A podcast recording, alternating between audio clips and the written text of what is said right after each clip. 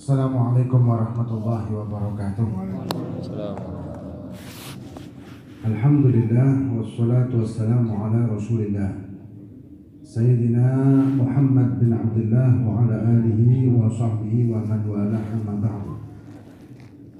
Alhamdulillah kita pada malam hari ini bersama-sama diberi kesempatan oleh Allah Subhanahu wa taala hadir di musola yang penuh dengan keberkahan dalam acara yang juga penuh dengan kemuliaan dan keberkahan dalam rangka hall Kiai Nu'man bin Kiai Idris.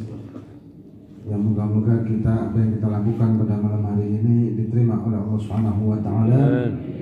Dan berkat yang diholi kita akan terangkat derajat kita di sisi Allah Subhanahu wa taala. Dan alhamdulillah para habaib, para kiai dan juga para anak cucu daripada Kiai Nu'man. Moga-moga Allah SWT memberikan sehat afiat.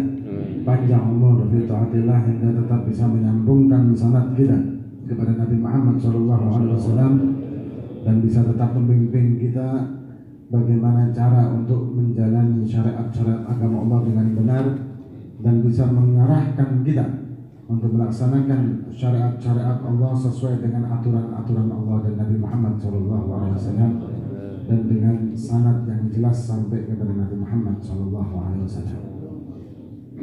Pertama-tama mohon maaf saya tidak berdiri karena kondisi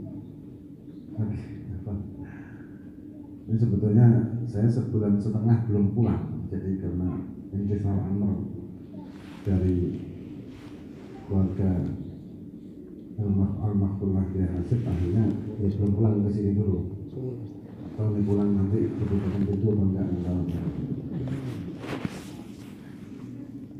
ala kulli hal hal para ulama hal para kiai hal para habaib sering kita hadiri sering kita ikuti dan sering kita baca sering kita dengarkan bacaan-bacaan manakib sejarah biografi beliau-beliau tersebut.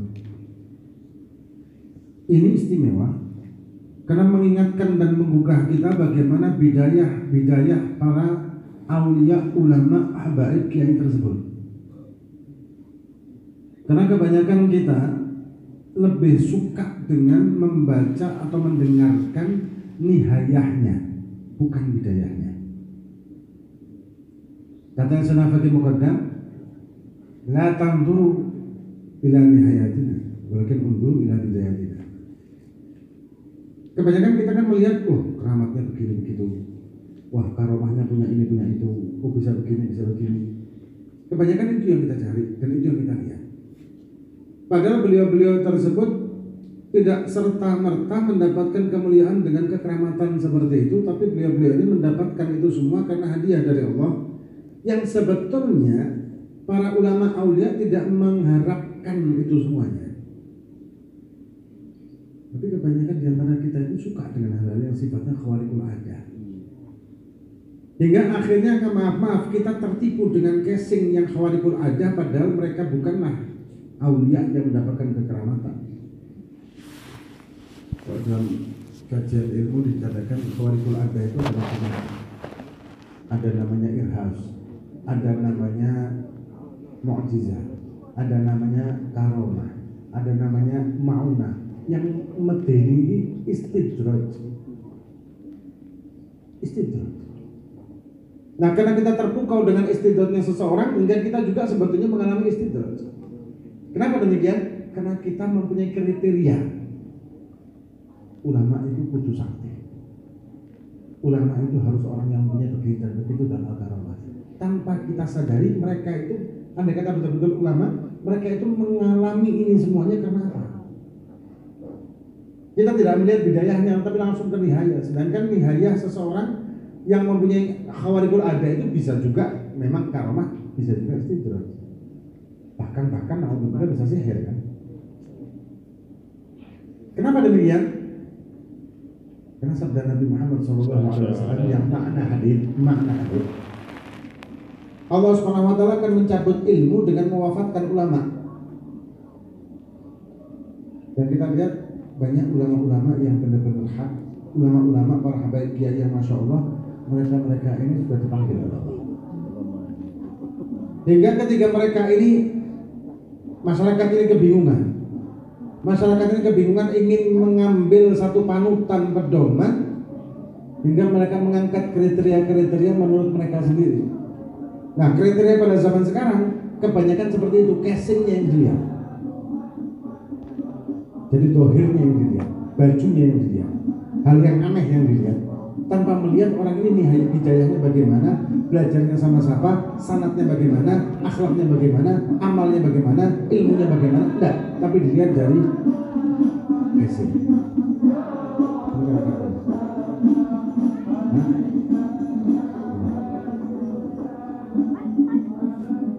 Nah, kemudian karena kita masyarakat menginginkan pedoman, karena kalau umumnya orang, umumnya orang masih ada takut-takutnya kalau mau melakukan sesuatu kecuali mencari pembenaran dari seorang yang dianggap ulama. Zaman sekarang begitu. Pokoknya yang ulama adalah yang penampilannya begini.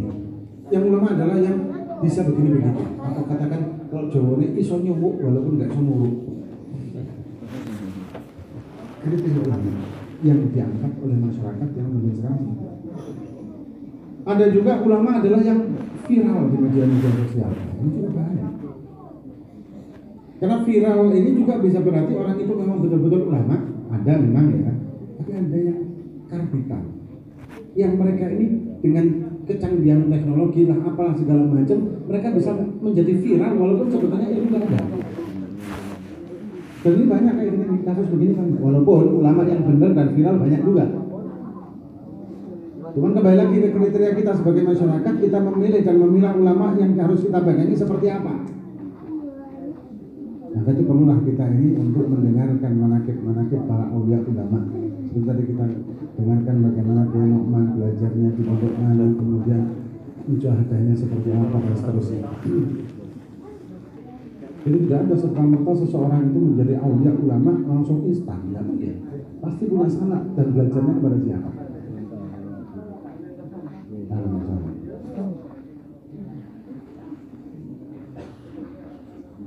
Nah, kemudian fungsi juga dari hal-hal yang kita hadiri para ulama-ulama ini adalah mengingatkan bagaimana ajaran beliau-beliau tersebut, bagaimana beliau-beliau ini tadi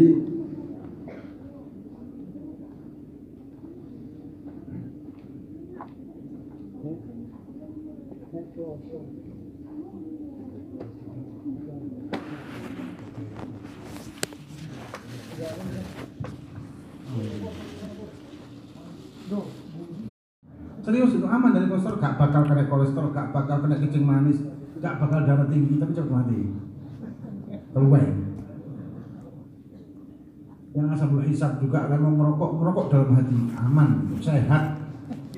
Nah, jadi rokokan yang juga hati, sehat sampean. Gak kena mengguk. Akhir zaman macam-macam sudah ulama-ulama makanya katakan Nabi tadi ulama ketika sudah diwafatkan oleh Allah yang benar-benar ulama, bingung masyarakat ini akhirnya mengangkat orang-orang yang dijadikan pedoman oleh mereka karena masyarakat tidak bisa jalan sendiri, harus berpedoman. Itu sudah sifat sunatullah sudah kayak gitu.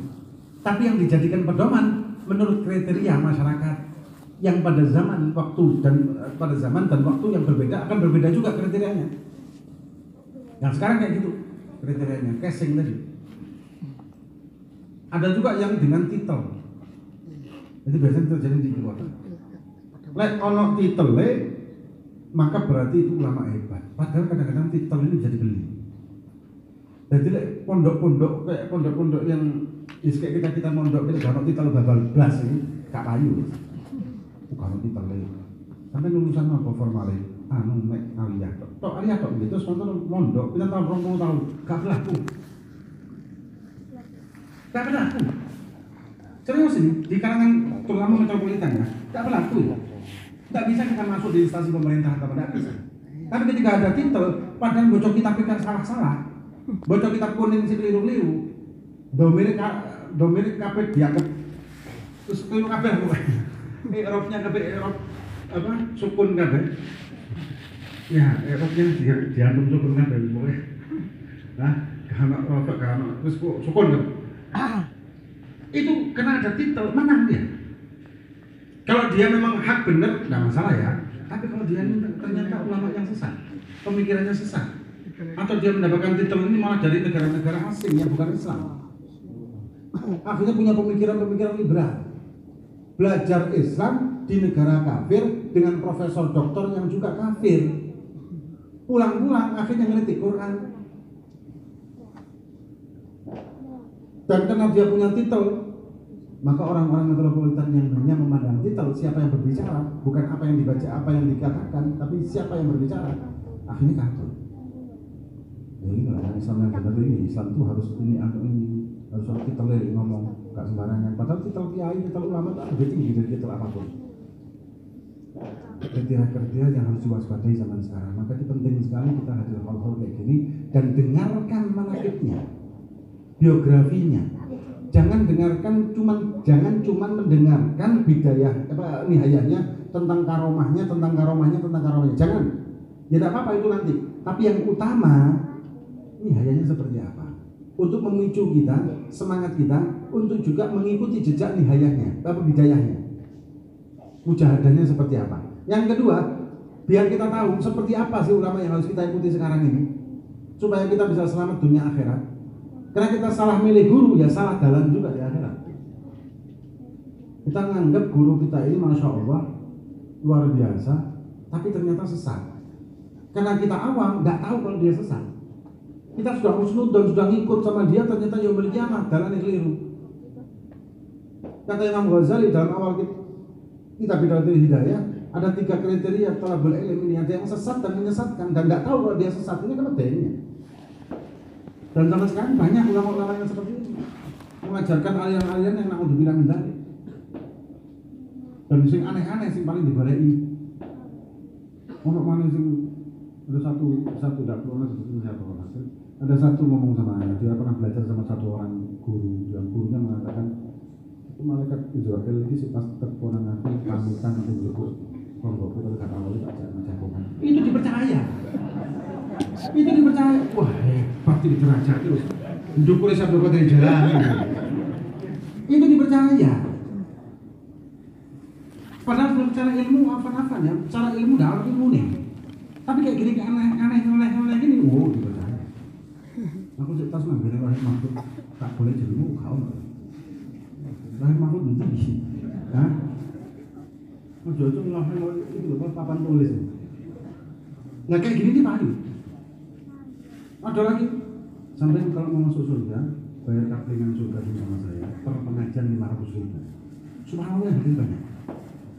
Ini ada betul. Kebetulan di antara mereka ini sudah mungkin kapok tangan duit ya terus cerita cerita. Beberapa orang itu cerita.